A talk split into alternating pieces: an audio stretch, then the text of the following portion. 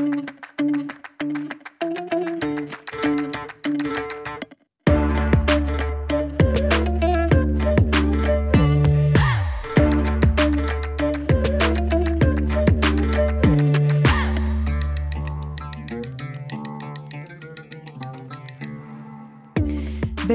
til Banat, Danmarks måske eneste talkshow på DAB af minoritetsetniske kvinder. Kan du heller ikke genkende dig selv i det der standard mediebillede? Well, så er du kommet det helt rigtige sted. Banat er programmet for dig, der legit godt kunne bruge nogle stemmer eller historier at spejle sig i. Derfor inviterer jeg tre Banats hver fredag til at øse ud af deres virkelighed, så du, kan lytter, aldrig føler dig alene. Så jeg håber, at du er et godt fredagshumør, og hvis ikke, er jeg sikker på, at du bliver det. Mit navn er Phyllis Jaschert, og med i dagens udsendelse står Suha Al-Masal, forfatter, journalist og podcastvært. Lulu, kan mærke pol og vært på podcasten Frie Samtaler. Samt Shay, boligsocial medarbejder og også vært på Frie Samtaler. Velkommen til jer alle tre. Mange tak. Tak skal tak have.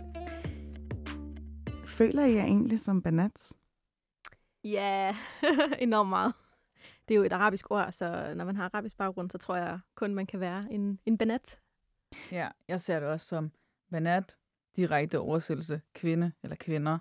Øhm, ja, jeg føler mig som en kvinde. Så Ja. Er der noget anderledes i forhold til den arabiske kvindelighed?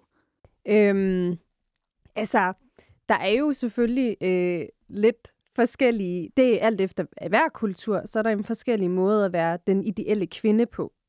Øh, I arabisk kultur øh, er den jo lidt øh, anderledes end for eksempel den danske kultur, men i arabisk kultur, ja, øh, der er der selvfølgelig øh, bestemte, der er sådan en hel recipe list on how you become the perfect woman, men så alligevel ikke, fordi du kan aldrig blive god nok. Øhm, Bare minus. så altså, øh, der, der er sådan en øh, vejledning, du skal følge, men hvis. Mm. du følger den til punkt og prikke, don't worry, they'll still talk. Du er stadig ikke den bedste. Interessant. Øhm, jeg har jo givet jer lidt nogle lektier for, fordi typisk er det sådan, at en person, som ikke er en banat, spørger mig, hvad er en banat? Og i stedet for at give det her lidt kedelige svar, så vil jeg hellere have, at en banat prøver at give andre et clue om, hvad for et univers I er rundet af. Og til den opgave har jeg jo så bedt jer om at tage noget med hver især, som fortjener at blive foldet ud. Øh, så hvad har du taget med? Der er jo den her TikTok-video, som har været i, øh, ja, i omløb øh, de seneste uger. Øh, den taler om øh, sådan society double standard til kvinder. Og jeg synes bare, at den sådan virkelig rammer plet, øh, især det, som du talte om lige før. Øh, fordi den, den sådan, ja, altså udpensler, altså det er sådan noget lip sync, du ved, hvor man kan sidde, man kan optage en video, og så kan man øh, sidde og ligesom øh, imitere det, der bliver sagt. Og øh, ja, det er i forhold til for eksempel, at øh, man, man kan, man, når man er, når man er en, en mor, så bliver det selvfølgelig forventet, at man prioriterer, øh, at man ikke skal prioritere sit arbejde, når man, når man er karrierekvinde, så forventes det, at man skal arbejde, eller man skal være det, som om man ikke har børn, ikke? Altså sådan, at man bare hele tiden øh, bliver krævet noget helt kontrastfyldt. Og jeg synes bare, det rammer. Jeg synes bare, det er meget sjovt, mm. og jeg får den hele tiden i, øh, du ved, de der øh, Instagram Reels. Jeg ved ikke, om det er min algoritme, der bare... Det skal måske lige sige til lytterne, at du er jo bogaktuel, og din bog udkommer på mandag. Ja, det er så vildt. Øh, det er, den hedder min, min datter var gnisten til kvindekamp mod udskamning og ulighed. Øh, og ja, altså jeg, jeg er også meget interesseret i sådan øh, feminisme og øh, kvinderelaterede emner, så jeg tror selvfølgelig også, det præger måske min algoritme. Ja, jeg det ved ikke, om jeg har set den, men den kommer frem. ja. Nå, men lad os lige høre, hvad der er for et klip her. Yes. Oh, don't worry. Society expects plenty from women. We're expected to age gracefully, but never let ourselves go, work like we have no children, and parent like we have no job. They'll call the stay at home mother unfulfilled, but the working mother selfish, all while childless women are considered incomplete. Go chase that career, but never at the expense of a family. Think like a man if you want to be successful, but don't act like one if you want to be liked. We're supposed to mother our husbands, but never treat them like children, and put out on demand, but demand respect. Married and miserable is better than single and happy. Don't stay with an abusive man, but never break up your family. Don't marry a bum for love, but don't stay with a successful man for security. Don't be dependent on a man for money, but don't emasculate them by earning more. They'll tell us to embrace our sexuality, but have some self respect, and to care about our appearance, but stop looking for attention. Just say no, but let him down easy. Be aware of your surroundings, but stop being so dramatic. Practice self love, but don't love yourself too much. Dream big, but stay small. And would you like me to keep going? Ja, would you like me to keep going? Jeg tænker, har hun overhovedet mere luft i lungerne? Bare Hun har også bare ramset alle regler op, ja. alle de her uskrevne regler øh, op. Og vi sad også lige før og grinte af det der med sådan, øh, øh, øh, married and miserable, uh, but not single and happy. Ja, Jeg tror, det er foretræk. ja, men det er sådan, jeg tror bare, der er sådan mange, der kan genkende den, og selvfølgelig især i sådan min- minoritetsmiljøer, ikke? Altså, Mm. øhm, og det er pudsigt, fordi at øh, i, i bogen, som udkommer her på mandag, så har jeg faktisk også leget lidt med det der med at lave sådan en øh, arabisk jantelov, hvor jeg har opstillet Okay. nogle af de her ting. Og så var det pudsigt, at, øh, sådan, at øh, nogle af de ting faktisk, som vi jo alle sammen, øh, når vi bliver født som piger, som, som de kvinder, vi er, så bliver vi jo udstyret med sådan en usynlig pakke, ikke? Og det er som om, vi har bind for øjnene. Vi må ikke, vi må ikke se, hvad der er i den. Øh, og vi tror jo, der er det samme, som der er i mændenes eller i drengenes pa- pakke. Og så når vi vokser op, så indser vi jo sådan, at der er bare totalt meget... Øh, Forskel. ja, vi bliver snydt. Altså, der er ikke det samme indhold, og der er bare sådan nogle unfair ting, som vi opdager langsomt. Og derfor har jeg lavet sådan en lov, altså simpelthen, øh, hvor jeg udpensler det, vi alle sammen mærker som kvinder, men som vi måske ikke helt øh, ja, ser så tydeligt for os. Interessant. Er, det sådan, er der nogle punkter på den, som du kan afsløre? Altså, jeg tænkte faktisk, der var en, som, som øh, er min favorite, selvom de alle sammen er min favorite. Det er mig, der sådan, har samlet den med den her øh, jantelov. Men, men det er den, der handler om, sådan, at du må ikke, udover alle de ting, vi har hørt selvfølgelig, men det der med, at du må ikke øh, nyde dit liv. Du må ikke, øh, du må ikke øh, øh, praktisere for meget pleasure som, som, som minoritetskvinde. Fordi du har nærmest vundet dit liv i lotto. Fordi okay. dine forældre, enten om de sådan er migrantforældre eller flygtningeforældre, eller at, at de ligesom har offret noget for dig. Og det er noget, vi måske ikke sådan bemærker tydeligt, men det er det der med, at du skal altid have dårlig samvittighed. Du står altid i gæld til du dine står altid til forældre. dine forældre. Og, og uanset hvilken øh, ja, krise, eller bare sådan problem eller udfordring, du møder til dagligt, måske har du haft en dårlig du ved, jobsamtale, en dårlig date, eller et eller andet, og du for eksempel øh, vil fortælle det til dine forældre, så føler du bare aldrig, det sådan er serious nok, eller sådan, du ved, fordi dine forældre, de har jo bare været igennem alt, og de er rigtig gode til at fortælle mm. det, synes jeg. Vi taler jo om mansplaining, typisk når det er mænd, der føler det der behov for at lige pludselig ja, øh, fortælle andre, typisk kvinder, om, hvordan verden hænger sammen. Men jeg føler, at det her er nærmest noget parentsplaining. Parentsplaining, præcis. Det burde være en ting. Ja, præcis, det er det. Og jeg synes bare også, øh, det ved jeg ikke, om det er bare mig, om I er enige, men jeg synes bare sådan, øh, ja, det lyder lidt generaliserende, men jeg synes, jeg har noget at have det i, hvis jeg tænker sådan på alle de år, ikke? Øhm, men at øh, sådan, min minoritetsforældre er også bare rigtig gode til at fremhæve de gode ting fra deres øh, ungdom og sådan de positive oplevelser. De har nærmest aldrig fejlet. De har aldrig sådan, du ved, haft kriser eller sådan. Så jeg føler Den der også bare, nulfejlskultur, man Ja. tænker, nå okay, jamen, ja, at det andet fejrer de under gulvtæppet. ja. De har aldrig fejl. Altså fuldstændig. De er bare perfekte, ikke? Og så når man selv laver en fejl, så selvfølgelig føler man bare, at det sådan er øh, unfair. Mm. Og, og, og Men man taler jo heller ikke rigtigt med sin, altså om sin fejl med sine forældre. Det gør jeg i hvert fald ikke. Eller der er jo en, helt klart en sårbarhed forbundet ved det. Eller jeg har i hvert fald svært ved at åbne op og sige, øh, Ja, men altså, det er jo også fordi, at din, vores forældre heller ikke er gode til at åbne sig op over for os. Altså, de snakker nærmest ikke om deres fortid. Altså, hvordan det var, at, ja, mine forældre er fra Ægypten, hvordan det var at vokse op i Ægypten. De, og de har endda, mine forældre har også studeret og alt muligt. De snakker ikke om den periode i deres liv. Altså, så hvis de ikke deler ud af dem selv, jamen, hvorfor skal jeg så også dele ud? mm. Det er det, altså, der er den der man kan aldrig sådan rigtig være ærlig med hinanden. De kan heller ikke være ærlige over for os. Det er også sådan noget med, de har sikkert også ja, lavet nogle ting, som man jo gør, når man er teenager. tror du, det er fordi, de frygter, det kan jeg godt mærke også nogle gange med mine yngre søskende, at jeg er bange for at reveal for mange ting. Så er de bare sådan, tænker, okay, hvis hun kan gøre det, så kan jeg også godt gøre det. Altså, så de ligesom kommer Ja. til at begå samme fejl ja, som en selv. sikkert. Hvad tænker du, Shay? Ja, jeg tror klart, at det har noget med det at gøre. Jeg tror bare generelt, at fejl bliver set som et tabu. Altså, man snakker bare ikke om sin fejl.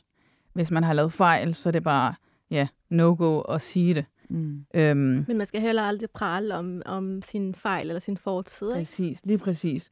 Det her med, øhm, du siger, du nævner ikke din fejl. Altså, jeg har aldrig nogensinde hørt mine forældre nævne deres fejl. Mm. Det er jo umenneskeligt at fejle på en eller anden måde, ikke? Mm. Selvom vi alle fejler. Vi ved jo godt, at vi fejler, men jeg har aldrig hørt. Om de er også bare bange for, at så normaliserer man det. Altså det er det der med, hvis vi ikke deler ud af det, så gør hun det heller ikke. Men hvis de allerede har delt ud om en fejl, de har lavet, så tror de, at de har normaliseret det. Og så er det ikke lige så seriøst, hvis jeg begår samme fejl. Du, det bunder jo også i, at vores forældre har rigtig meget skam. De har rigtig, rigtig meget skam. Og det er svært Skam over hvad? Øhm, generelt, altså i arabisk kultur, synes jeg, man skulle nærmest skamme sig over alt. Alt der bare aib, har vi et begreb, Mm. der hedder sådan... Du, Flovt. Flow, Flovt. exactly. Så du ved, der er mange ting at skamme sig over, om det er, at, øh, at du ikke har klaret dig godt i skolen, eller du øh, ikke har det bedste arbejde, eller bare, at øh, øh, du fuckede op som teenager, et eller andet. Der, der er mange ting at skamme sig over. Mm. Mm. I er jo alle sammen podcastværter. Øh, hvordan har det egentlig været at lige pludselig stille sig på en platform? Øhm, jeg kan huske, jeg snakkede jo med Lulle om, skal vi ikke starte en podcast, der skal ske noget. Altså, Ja, det var Shays idé. jeg kunne godt mærke, at vi havde brug for at sige nogle ting, som folk skal lytte til. Altså, der skal ske noget, især fordi Hvor lang tid er det, I har kendt hinanden? øhm, vi er barndomsvenner. Vi har kendt hinanden, siden vi var 3-4 år. Forever. Forever, Kendt hinanden ja. forever. øhm, jeg, var, jeg boede i Madrid, øhm, og så kom jeg hjem til Danmark, og så mødte jeg bare en masse mennesker, lige da jeg kom hjem, og jeg tænkte bare, hold kæft, hvor er det trist. Mange af de ting, som jeg har hørt, og bare generelt det her med, at jeg følte, jeg havde udviklet mig så meget, og så kom jeg hjem og snakkede med nogen, ja, af dem, der hele tiden har boet her i Danmark, og så tænkte jeg bare, altså, der sker jo intet her. Der skal ske noget. Nye perspektiver Sådan. i livet. Altså, der skal ske noget. Og så snakkede jeg så med Lulu om det, og så sagde jeg, yes, vi, vi laver en podcast. Og hvad tænkte du i forhold til det, Lulu? Ja, øh, jeg var ikke super begejstret. Altså selvfølgelig, du solgte den godt, så jeg kom jo med på ideen. Men øh, jeg, jeg kunne godt mærke, at jeg havde sådan lidt flere second thoughts. Specielt da første afsnit skulle ud. Øh, vi indspillede den også på ny. Øhm, I tog den om, simpelthen. ja, vi, vi havde et afsnit, og så tog vi den om. Men det er lige så meget fordi, at du ved, vi har aldrig snakket, Mm. du ved, sådan åbent omkring ting, hvor Prøv at vi vil fortælle få de det der ud. second thoughts, hvad det gik ud på. Ja, yeah.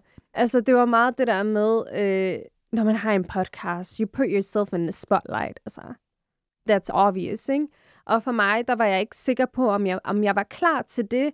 Øhm, også fordi vi diskuterede nogle emner, som jeg normalt øh, pakker lidt væk og lader som om, øh, ikke er, det er min kampe, men det er ikke noget, jeg gider at blive labeled with. Fordi det er sådan nogle, du ved, det der med at være øh, minoritetskvinde og alt det der. Øh, Det er nogle kampe, jeg døjer med, men det er ikke noget, jeg gider at blive labeled with. Mm. Så jeg var sådan lidt, hvis jeg har den her podcast, så ligner det bare, at det er det, jeg går op i. Og jeg har så meget andet, jeg går op i.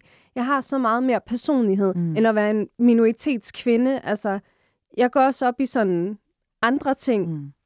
Nu siger jeg jo indledningsvis i Banat, øh, jeg håber, at øh, du gider lytte efter øh, det her afsnit, fordi at typisk er det sådan, at, at øh, ja, man kommer i bedre humør, men man, man øh, får ligesom også nogle stemmer eller historier, som man kan spejle sig i. Har det også været en motivation for dig, Sora? Jo, i den grad, det har det. Øhm, fordi øhm, altså, når man vokser op uden sådan i særligt, øh, før man, vi fik de, de sociale medier, ikke? og før at øh, der, var- der begyndte at komme alle de her selvstændige podcasts på banen, så var det jo bare altså sådan mainstream-medierne, og ja, det kan vi jo sige jo, altså det tror jeg alle sammen ikke er i tvivl om, at de har ikke altid spejlet sådan, øh, minoriteter og sådan rummet, sådan du ved, øh, måske nogle af de kampe og de ting, som optager os i vores dagligdag. Så det var klart, at altså, det bundet i mit eget sådan, ligesom, behov. Så jeg skabte den platform, jeg selv har savnet. Øh, men jeg var i modsætning til jer to, og i øvrigt, det er en super god podcast. Jeg har lyttet lidt til den øh, i Super Seje.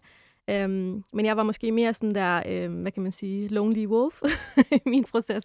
Fordi jeg, jeg, jeg startede den jo alene, og sådan gik rundt med tankerne i rigtig lang tid, lidt for lang tid, fordi jeg kunne bare mærke, øh, apropos det der med jantelov, altså det der med sådan, who are you to like speak up, og sådan tage mikrofonen, og hvorfor skal du sådan, ja, blotte dig selv på den her måde, ved at tale om sårbarhed, ved at tale om skam, fordi jeg tror, jeg helt klart også havde den samme bekymring som dig, altså det der med, Øhm, at jeg var bange for, at jeg skulle blive min fortælling. Jeg var bange for, at jeg skulle blive labelet på det her.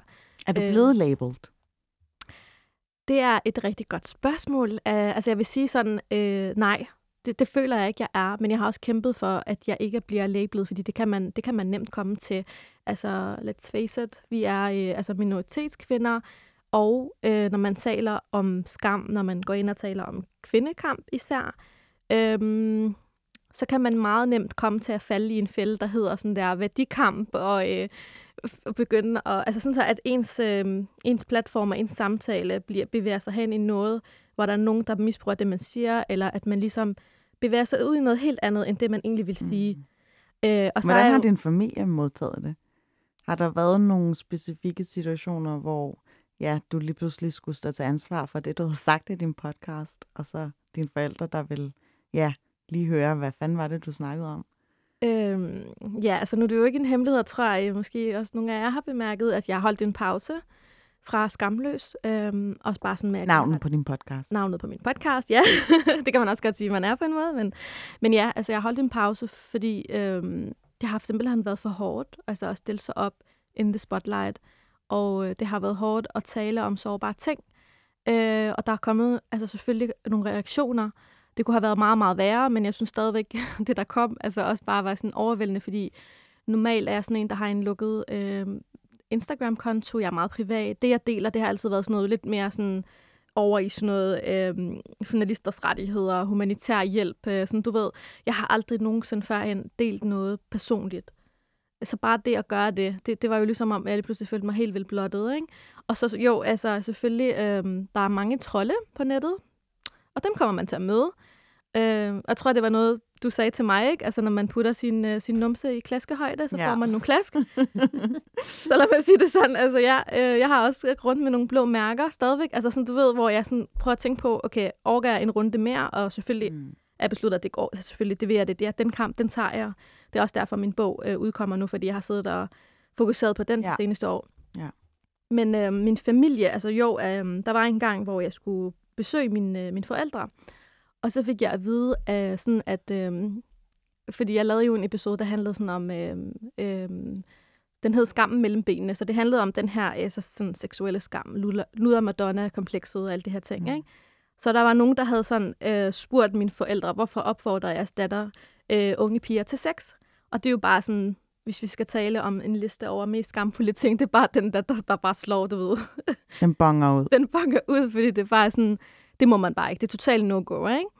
Og jeg blev sådan totalt overrasket og prøvede sådan at høre, sådan, øhm, hvem det var, der havde sagt det, fordi jeg blev selvfølgelig sådan lidt, hvad bilder de sig ind? Og det er jo lige det, jeg snakker om. Det er jo faktisk sådan, at folk blander sig og slader og så videre, ikke?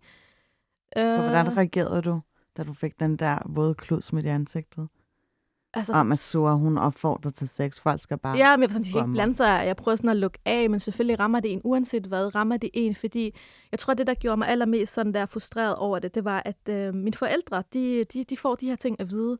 Øh, et eller andet sted tror jeg, at jeg har, jeg har måske nemmere ved sådan at distancere mig fra det, øh, kvæg min sådan, øh, karriere og min, min netværk, og sådan, man, man, man kommer jo også, det er så fordelen ved at tage ordet, og vi sådan, øh, måske får du også et, stær, et stærkere netværk, du får støtte fra andre kvinder, du møder andre, der lige pludselig hører, at du har oplevet noget, de kan relatere til. Ikke? Mm. Så på den måde kan man sige, jeg havde jo ligesom opbygget, øh, hvad kan man skal kalde det, men sådan, En robusthed, eller? ja, en robust base, og nogen, der støtter mig, nogen, der vidste, hvad jeg har været igennem, der bare sådan også sendt, hver gang jeg fik en negativ kommentar, så fik jeg 10 positive. Så jeg kunne bare holde hovedet op og blive ved, fordi jeg blev bekræftet i, det var vigtigt for andre kvinder. Øh, men det der med, at de går efter forældrene, jeg synes stadigvæk, det er lidt sårbart. ja. Så jeg har måttet sætte mig ned og, og tale med min mor, og har prøvet sådan på arabisk forklare hende sådan det der med, at det personlige er politisk, uden at der rigtig er et ord for det. Men jeg har prøvet at forklare hende, hvorfor jeg gør det. Sådan med, det blev til mange, Fordi mange man lige pludselig kan give en sådan her. Læs lige Susanne Brygger, værsgo. Præcis. altså, der er også mange ting, vi ikke rigtig har ord for, ikke? fordi man ikke er vant til at snakke mm. om. Lulu og Shay, jeres podcast hedder Frie Samtaler. Hvorfor gør den egentlig det? Ja, og det er fordi, at vi tænkte, vi snakker jo ret frit om alle mulige forskellige emner. Så tænkte vi frie samtaler. That's the word. Øh, fordi det er sådan noget med at snakke om noget, der er sådan lidt tabubelagt, og gøre det sådan frit. Mm. Ja, lige præcis. Også, øhm, vi tænkte jo også, vi vil gerne komme ind på alle mulige forskellige emner. Og det skal være frit at kunne snakke om de her forskellige emner. Det skal ligesom være sådan et, øhm, et frirum også for mm. os. Ikke? Mm. Jeg har jo taget et lille klip med her, som jeg lige vil afspille til dem, der desværre ikke har lyttet til vores podcast endnu. Men en kvinde skal, netop som du siger, kunne balancere at øh, have en karriere. Hun skal mm. tjene sine egne penge. Yeah. Men hun skal heller ikke gå for meget op i karrieren, for hun skal sgu også stifte familie. Præcis. Hvor hun meget gerne skulle tage hele barslen selv. Yeah. Øhm, og så skal hun være øh, smuk, øh, men selvfølgelig hun må ikke være for, du yeah. ved, gå, øh, gå for meget op i sit udseende. gå for meget op i sit udseende, mm. hvor hun begynder at tiltrække for meget, men alligevel hun skal være smuk og tiltrække lidt. Det er dig, Lulu, der taler ind over her. Øhm, det flugter jo helt vildt meget med det klip, som Sora har taget med fra, ja, TikTok var det jo egentlig. Ja. øhm, prøv lige at forklare, hvorfor du ligesom har den her lille rant over de forestillinger, der er til, til kvinder. Ja, og den er jo ret generel. Altså, nu hvor den også er på TikTok, det er faktisk noget, som kvinder på tværs af alle etniciteter og kultur, de døjer med. Men det er netop det her med, at, altså, at man bare aldrig føler sig god nok altså, som kvinde. Øh, du, altså, du skal kunne balancere ting. Du må ikke være for god til noget, men du skal jo heller ikke være dårlig til noget. Altså, det er faktisk den der daglige stress, som alle kvinder, de går igennem. Og ikke kun os med minoritetsbaggrund. This is very common for everyone. Mm. Jeg ved, at vi inden vi gik på her, så snakkede vi lidt om de mænd, som med minoritetsbaggrund, der også laver en podcast. Der er lidt en anden selvtillid for dem, når de træder ind i et studie. Er jeg den eneste, der har den øh, ja, forestilling? Nej, altså... Hvad siger du, Lulu? Nej, altså... Men med, med, med, med podcast... Ja, they, they really... Altså, jeg vil gerne give dem credit for at own their shit. Altså, de virkelig går ind og har den der selvtillid og tror, at det, de serverer, er guld. Um, not that I think that that's the case. Men at Always. least, men altså, at least synes de selv, at det, de laver, det er godt, det er guld, amazing. Um, Det er sjovt. der vil jeg så sige, øh, da vi startede vores podcast, der var det jo netop alt det der second thoughts, og alt det der med sådan, ej, når vi snakker om det her, giver det så mening? Er det noget, alle kan relatere til? Øh, at det her godt nok? Altså, det vi deler ud, er det sådan, du ved, Hvad har responsen været indtil videre? spændende? Øhm, den har jo været, øh, den har været rigtig god. Jeg vil sige, Ja, ja. Øh, den har faktisk været rigtig, rigtig god. Øhm, der er også mange etniske danskere, der har hørt den på mit fodboldhold, der har sagt, okay, det er vildt nok også at få det perspektiv med. Altså, de synes, det er så fedt at komme med forslag i forhold til emner, som de gerne vil høre vores perspektiv til, ikke? Så generelt set har det været rigtig godt. Mm. Jeg havde regnet med, at der ville være så meget hate, men nu tænker jeg også, at der er ikke så meget, der har lyttet til, Ja. til den endnu. Men øhm, vi havde i hvert fald regnet med, at nu bliver vi slagtet, og vi er forberedte på det. Mm.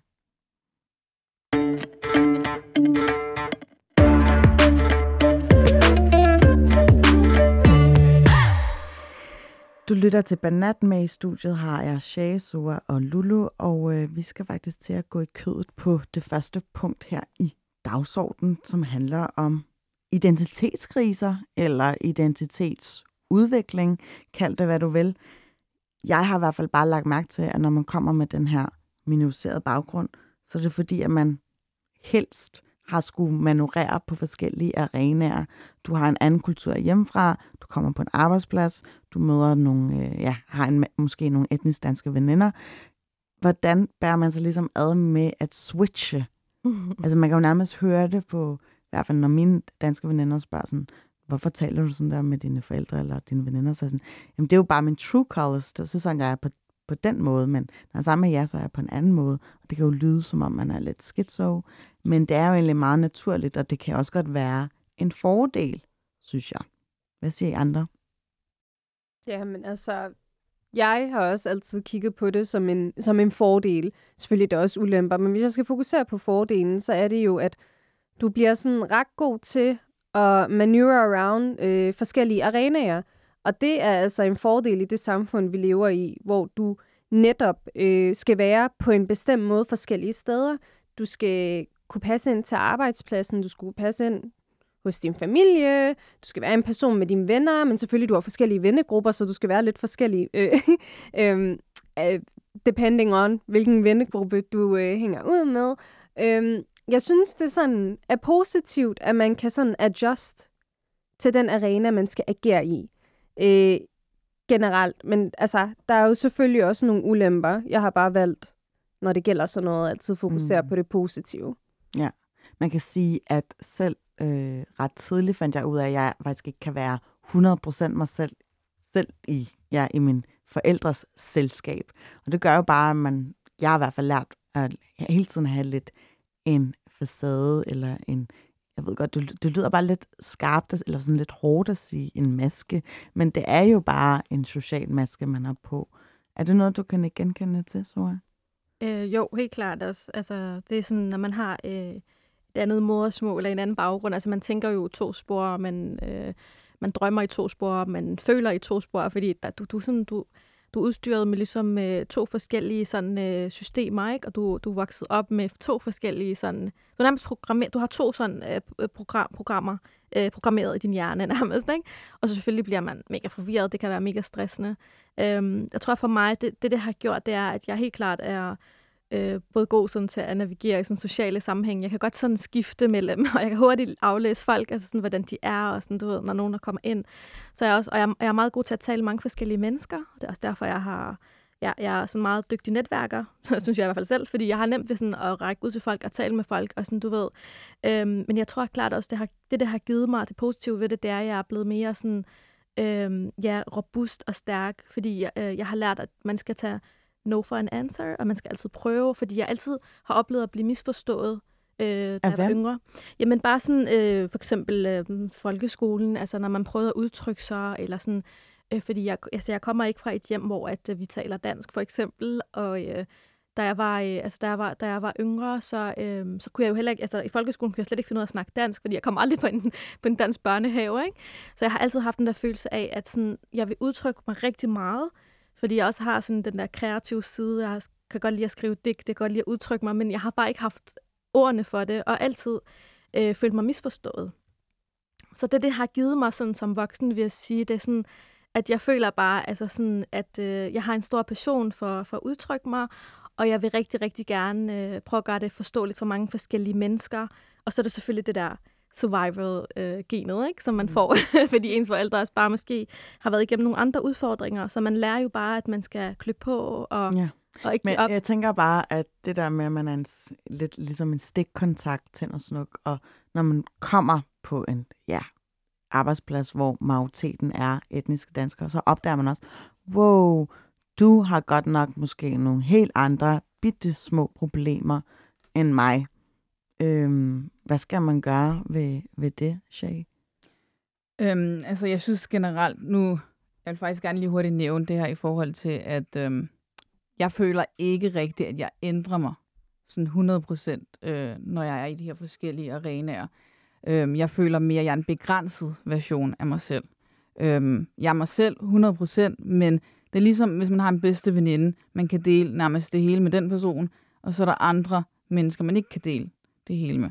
Hvor at man stadig er sig selv, hvis jeg forstår, hvad jeg mener. Ja, du bliver bare en fortyndet udgave. Præcis, og det, det er selvfølgelig ærgerligt, men jeg er stadig mig selv. Øhm, ja. Men det er også det der med, altså, ved man overhovedet selv, hvem man er? Altså, fordi jeg kan godt sidde der øh, i min alder 25 og være sådan lidt, mm, altså, jeg ved sgu ikke engang, hvordan jeg selv er. du ved. Men jeg, jeg vil også sige altså, det fordi der du er, du er den i kraft af det, det omgangs, ja, dem, du er sammen med. Ja, måske. og det er også det der med, altså, jeg føler faktisk bare, at min personlighed er at være en kalmion. Altså en, der kan sådan... Uh, lege op, ja. En, der sådan kan adjust, og det er også en del af mig, og jeg kan, altså... Jeg har både... Prøv lige at fortælle din uh, chef, hvad hun sagde, da du skulle stoppe. Nå ja, ja den var rimelig... Øh, så jeg havde et studiejob, øhm, og så skulle jeg så stoppe, og, fordi jeg var færdiguddannet, og jeg skulle videre og have et fuldtidsarbejde. Øhm, og så, øhm, så havde, havde hun selvfølgelig lavet en takketale til mig, og der var gaver, og du ved, kontoret skulle sige farvel til mig. Øhm, men så, det første hun fremhæver i den der takketale, det er, Lulu, du var simpelthen så god, fordi lige meget hvilket humør du var i, kunne vi ikke mærke det på dig. Du kom bare altid ind med god energi, no matter what. Og det er rigtig godt. Og jeg bare sad der og tænkte, Wow. farsk, ikke? Are, are, are we I'm gonna a robot. Yeah, Ja. are, are we gonna highlight? Skal vi sidde og praise me for being øh, virkelig dårlig til sådan at vise mine følelser? Ej, At være sådan en robot? Ja. det handler vel også lige så meget om kontrol og den der Ja, professionalisme. ja, Så det man- sine følelser. Altså, jeg ved ikke, hv- hvordan det var i dit hjem, men sådan mange, ja, især sådan flygtninge eller sådan indvandrerfamilier, der taler man heller ikke så meget om følelser. Nej. Uden at overgeneralisere, men jeg ved ikke. Nej, og det er præcis det samme her jo. Altså, jeg måtte egentlig godt, altså jeg må godt være følsom og sådan noget, men det var ikke fordi, vi gik i dybden sådan og snakkede med hinanden om, uh, this is how I feel, why do I feel that? Altså ens forældre plejede jo bare sådan at kigge på en og være like, okay, nu har du også været nok ked af det, kan du ikke uh, lige tage dig sammen? It's not that big of a Ja. deal. Er meget den der, rejs dig op. Sådan, kom ja, ja, kom op og igen. stå. Nej, det er ikke det værd. Og... Eller hvis du kommer til skade. Har jeg ikke sagt til dig, at du ikke skulle hoppe på den pris? Præcis. Altså, hvor man er bare sådan, "Åh, okay, jeg må ikke græde, jeg må ikke græde. Så hver gang man ligesom kom til skade, så vil man stoppe med at reagere. Så man, man vil bare rejse sig. Det er jo Ja. igen det der med, du falder, du rejser dig, og så bliver du bare en robot. Det er jo ligesom om, det var mere sovende at høre den der, har jeg ikke sagt til dig, altså det der skuffende element, at nej, jeg har ikke lyttet efter, eller ja, jeg Ja. har fejlet igen, ikke? Ja, og det gør jo, at man ikke reagerer senere hen. Altså, jeg havde virkelig svært ved at reagere i en periode. Hver gang jeg slog mig, så ville jeg bare rejse mig op, og folk tænkte, er du okay? Øh, Hvorfor reagerer du ikke? Mm. Ja, præcis, men det er, også, altså, det er også det der med, at man ikke sådan, du ved, øhm, har lært, at, at, at, at det er okay at være øh, følsom. Eller sådan bare helt, altså man behøver ikke engang, at der, der behøver ikke engang at være sket noget. Men det der med at være følsom, det har jeg bare altid sådan fået, fået at vide. Øh, altså, hvis, der, hvis der er et eller andet, jeg græder over, eller sådan, du ved, sidder bare der og er trist over et eller andet, fordi jeg er sådan en, det, det kan godt tage mig flere dage, altså hvis der er sket et eller andet, sådan at lige processe, og lige sådan, så min mor, hun vil altid sige sådan der, ah, men du er bare for meget, det er så, den, du skal se, dengang, dengang jeg var en, øh, en ung pige, du skal se det, jeg skulle ud, være, være ude for, vi var under belejring i Beirut, Ja, og det her, det har sket, og jeg, bare, jeg, bliver, jeg skammer mig nærmest over, at jeg er ked af et eller andet, ikke? Så, så, så man, men, men, men, det, det er vigtigt at være opmærksom på det, det vil jeg altså også lige sige, fordi mm. med tiden, så bliver det ligesom noget, man bare fortrænger, og man er ikke sådan opmærksom på, at man, man gør det, for det er ikke altid det er lige sundt, det der med at sådan bare feje følelserne under gæld- gulvtæppet. Mm. Men det er jo også øh, en form for sådan hybrid identitet, fordi at når du så også hører de der øh, narrativer, fortællinger fra dine forældre, hvor du tænker, okay, der er virkelig altså, noget, som jeg føler skylder dem af, at de har taget flugten fra Beirut, eller øh, hvor det end er her til Danmark. Og så lærer man jo, altså, uanset hvilken bagage man kommer med, at der er også nogle øh, kampe, man skal tage. Og øh, det er derfor, jeg godt kunne tænke mig at høre, jeg har I nogle personlige kampe, som I døjer med for tiden, som jeg har lyst til at dele med lytterne? Øhm, ja, altså, øhm, jeg tror, en af mine største personlige kampe lige nu her, det er det der med, at jeg er lidt for hård ved mig selv. Altså, øhm, jeg kan hurtigt godt blive øh, skuffet over mig selv, hvis jeg ikke øh, for eksempel er god nok til noget, så kan jeg hurtigt blive lidt for hård og sådan være sådan lidt om, så kommer jeg aldrig til at du til det og sådan noget. Um, ja, men jeg prøver faktisk, øh, den måde jeg prøver at blive bedre til det på, det er at kigge til folk, jeg ved har super meget selvtillid, og altid, du ved, kan, du ved, gå ind i hvem et rum og own it, and that's the white man. the top of the pyramid. Top of the pyramid. Amen, hver gang jeg møder en hvid mand i en arbejdsplads eller sådan noget, altid super chill. Altid sådan en, der own it, og altid er sådan lidt, jeg skal nok finde ud af det på et eller andet tidspunkt. Også i uddannelsesinstitutioner og sådan noget. Virkelig confident, og, og tror på, at de kan noget, og tror på, at de kan lære noget med det samme. Så ja, Det er et godt råd. så det er dem, jeg kigger op til lige nu og her, og prøver sådan at suge deres energi ud. It's a bit, altså, det er lidt svært som minoritetskvinde at komme op af, du ved, at have den der selvtillid. Fordi man altid bare, jeg ved ikke med jer, men jeg føler bare altid, at man er sådan blevet set lidt ned på, både af samfundet og også af sin egen kultur. Ikke?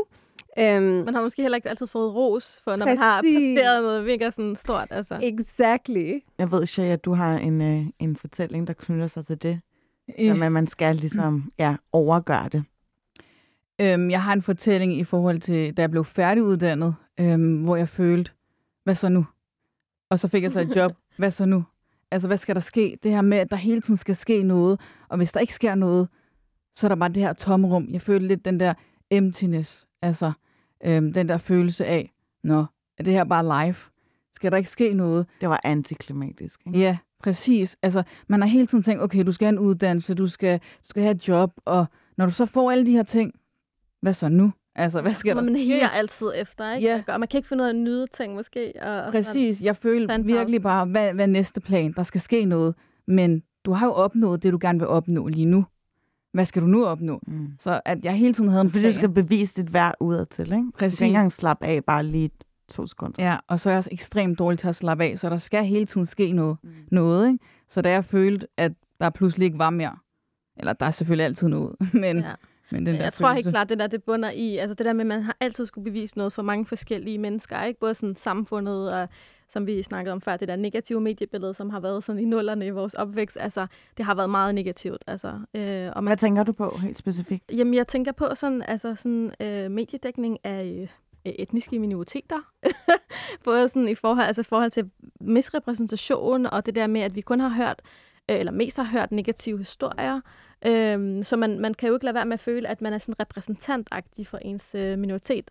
Øhm, og det gør selvfølgelig, at man føler, at man skal, øh, ja, man skal ikke kun øh, gøre det, man har lyst til, man skal gøre det, der gavner ens bagland. Altså Øh, det der altså- kollektiv frem for individets egne interesser. Ja, og så det der med, altså man føler jo bare, at man skal være en sådan rollemodel, ikke? Man skal vise det gode eksempel på arbejde, man skal vise det gode eksempel i skole, man skal vise det gode eksempel, hvor fucking man end er, undskyld mit sprog. Men det er jo, det er jo noget, det er derfor, der er så mange, der har stress, og der, er det er derfor, der er så mange, der, der, der render rundt og har sådan øh, identitetskriser, uden at man sådan taler om det, fordi det er bare sådan... Men selvfølgelig, hvis man kigger på, hvad grunden til det er, og tænker bare sådan, vi skal ikke være overrasket over, mm. at, at vi Men hvor kan man hente sparring? Hvor kan man ligesom, ja, for at få nyet energi, når man har de her ting, man døjer med? Hvad gør I selv?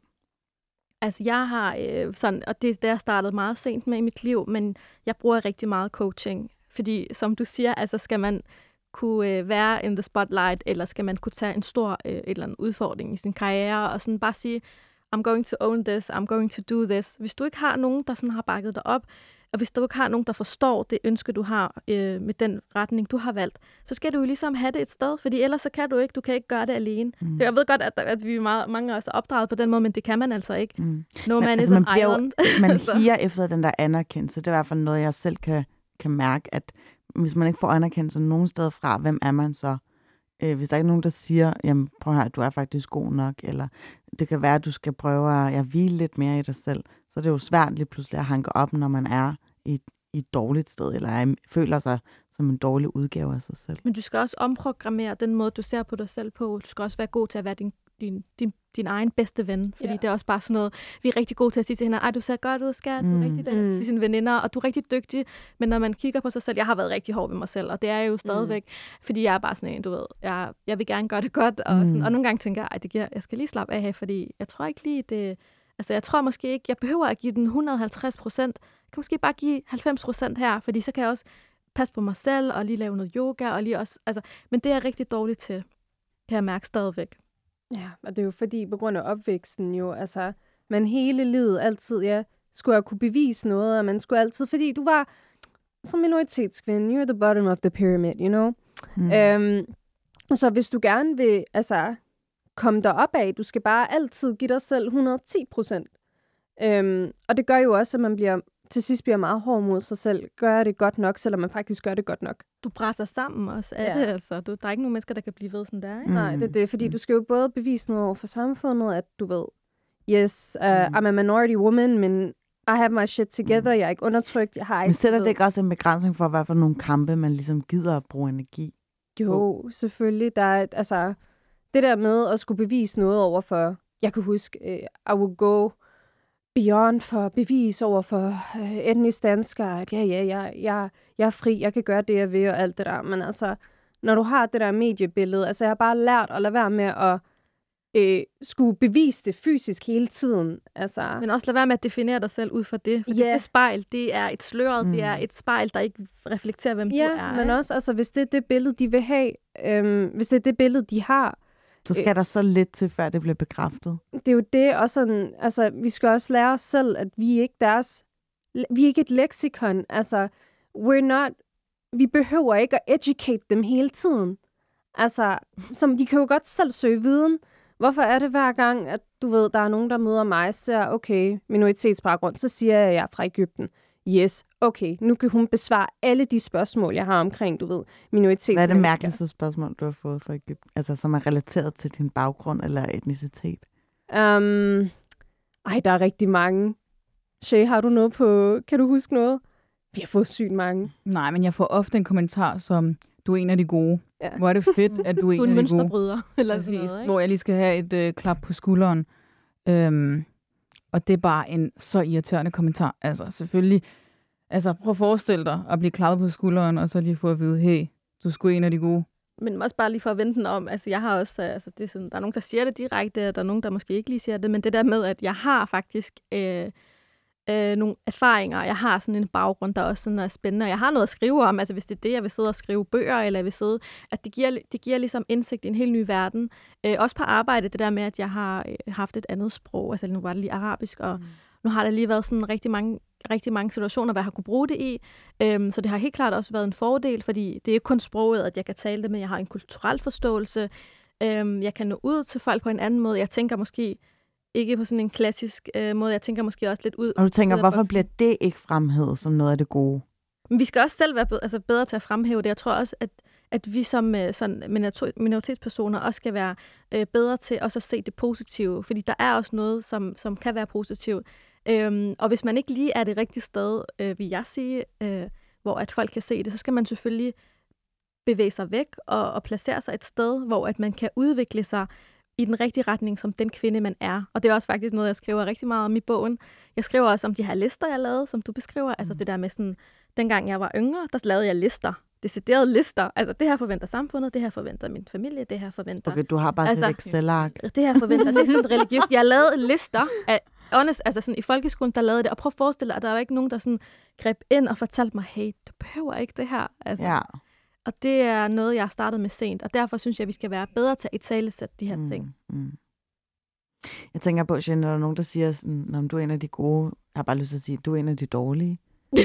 Jeg plejer faktisk bare at sige, "Men det er du også. Fedt, Ja, at du også er en del af de gode. Mm. Så kan I være gode sammen. Men Hvorfor, hvad fanden skal man egentlig sige? Jamen, det er det, altså, du...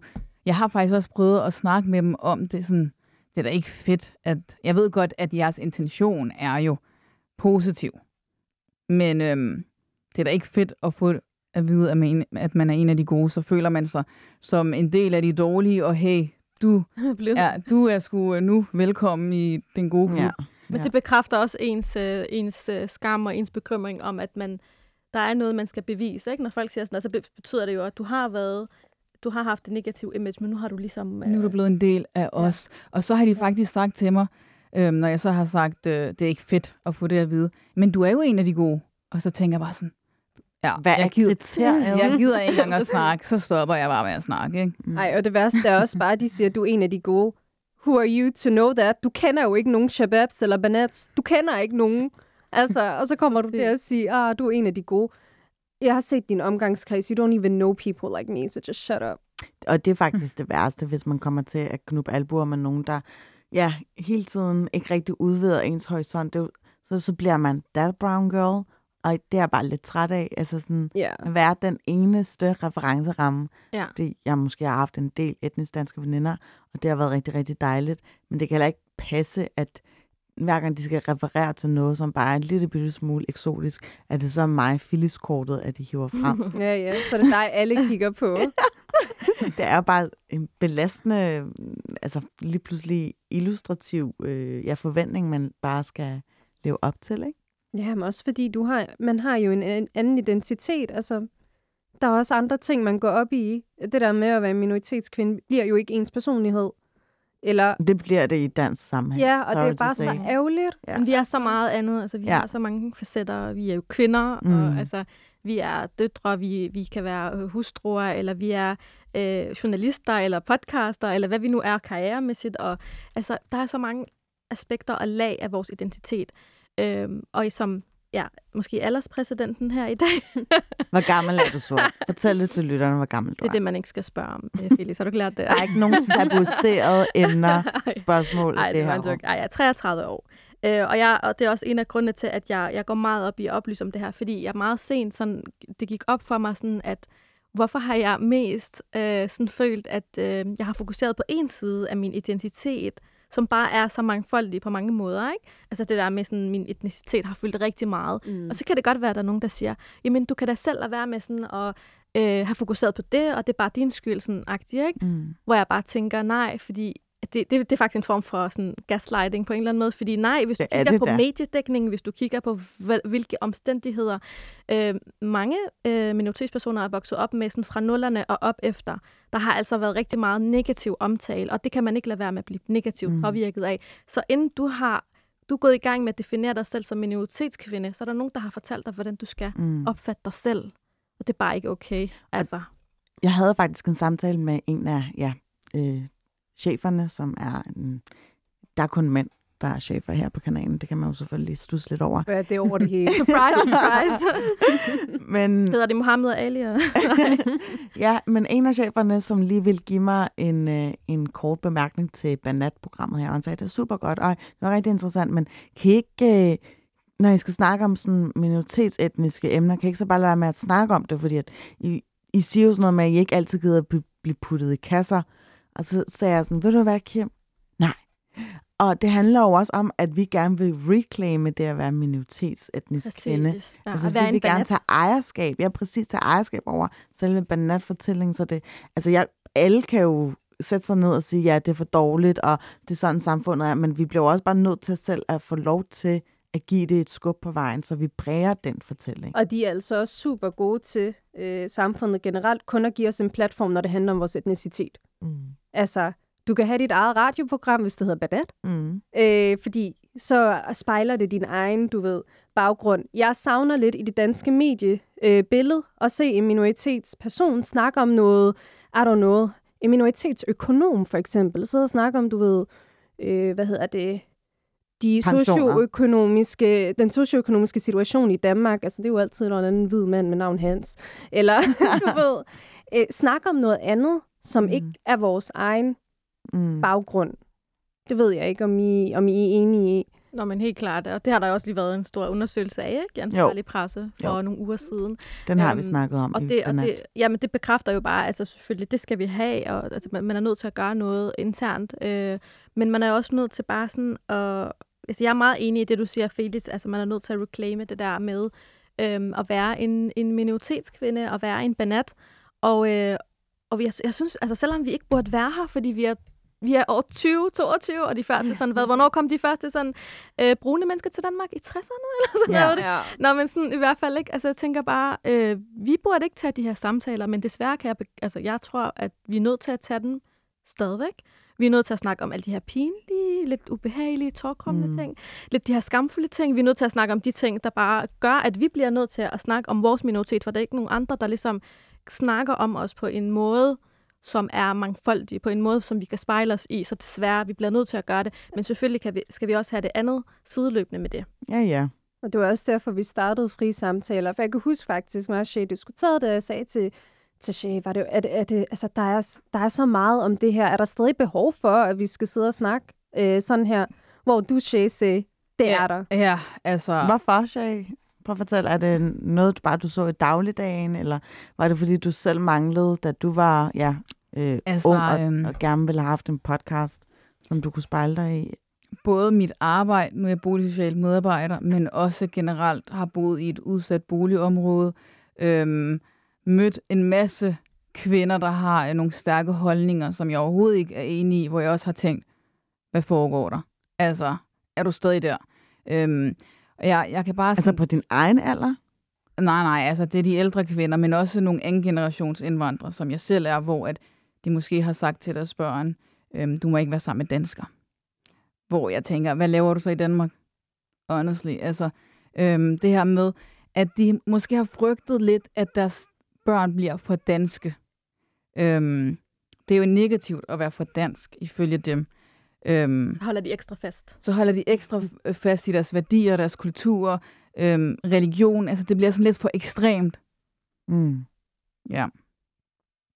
Og den, skal, altså den byrde, eller den fortælling skal vi ligesom øh, altså prøve at hjælpe dem, så de altså, kan lytte til noget, hvor de tænker, okay, nu bliver jeg faktisk udfordret på mit virkelighedsbillede.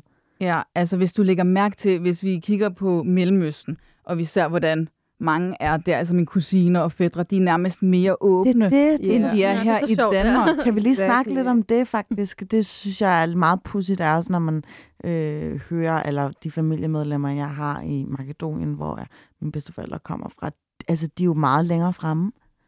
Hvorfor er det, man har den der total stedighed om, at øh, vi skal være, øh, værne om vores traditioner og kultur, fordi vi er en minoritet? Altså bare lige et sjovt eksempel, ikke? Altså det der med at ryge vandpipe.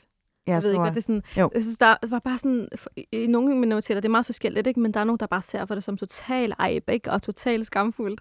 Og så når man tager til Beirut eller Amman eller nogle af de sådan mellemøstlige lande, så ser jeg bare kvinder sidde og mange af dem har tørklæde, de sidder bare der stramme bukser, sådan mega moderne, sådan outfit, sidder der med deres banat og chiller, ikke? Uden at de kigger sig omkring. Og jeg bare tænker, hvorfor ser vi ikke det for strået? Altså sådan, man kan godt Ej, se de nogle... får endda lov til at holde i hånd med deres kærester, og deres forældre kender til kæresten. Sådan er det i Ægypten. Det er meget normalt at have en kæreste, og forældrene kender til kæresten og alt muligt. Og så er det bare her i Danmark, altså hvis du bare snakker med det modsatte køn. Girl, Jamen, they're gonna talk about you. Ja, Jeg tror også, der er lidt færre Ægypter i Danmark, måske, end der er, der er flere Ja, millioner i ja. Ægypten. Så det er måske også sådan nemmere at holde øje med. Og så tror Ja. jeg også bare, at folk tænker sådan, vi bliver, altså vores identitet bliver udslettet. Vi bliver nødt til at holde fast. Vi bliver mm. nødt til sådan, du ved, at den virkelig... sidste bastion. Hvordan skal vi, hvis vi lige pludselig bliver for danske, åh oh, nej, hvem er vi så? Men de er heller ikke kommet videre. Så kom de til Danmark i 80'erne. Og så, Dine forældre kom i 80'erne. eller øh, slut, halv, ja, øh, start 90'erne eller sådan noget. Men altså, så har samfundet i Ægypten jo altså, ændret sig sygt meget. De har bare stået stille. Men de har jo bare stået stille, fordi de er kommet her, og så har de mødt nogle Men ligesindede. samfundet har jo også ja, øh, ændret sig i Danmark, ikke? Ja, men det er som om, at du ved, at vores forældregeneration bare ikke følger med. Desværre. Ja. Øhm, Hvad siger du, Shay? Men det er lige præcis det her med, at man føler bare, at der ikke er udvikling overhovedet. Altså, man snakker med dem, de er stadig der. Samme sted. Øhm, og hvis du udvikler dig, så har du solgt sjælen. Øhm, du er blevet for dansk. Du er begyndt at rejse, det er også for dansk. Du er begyndt at tage til fester, det er for dansk.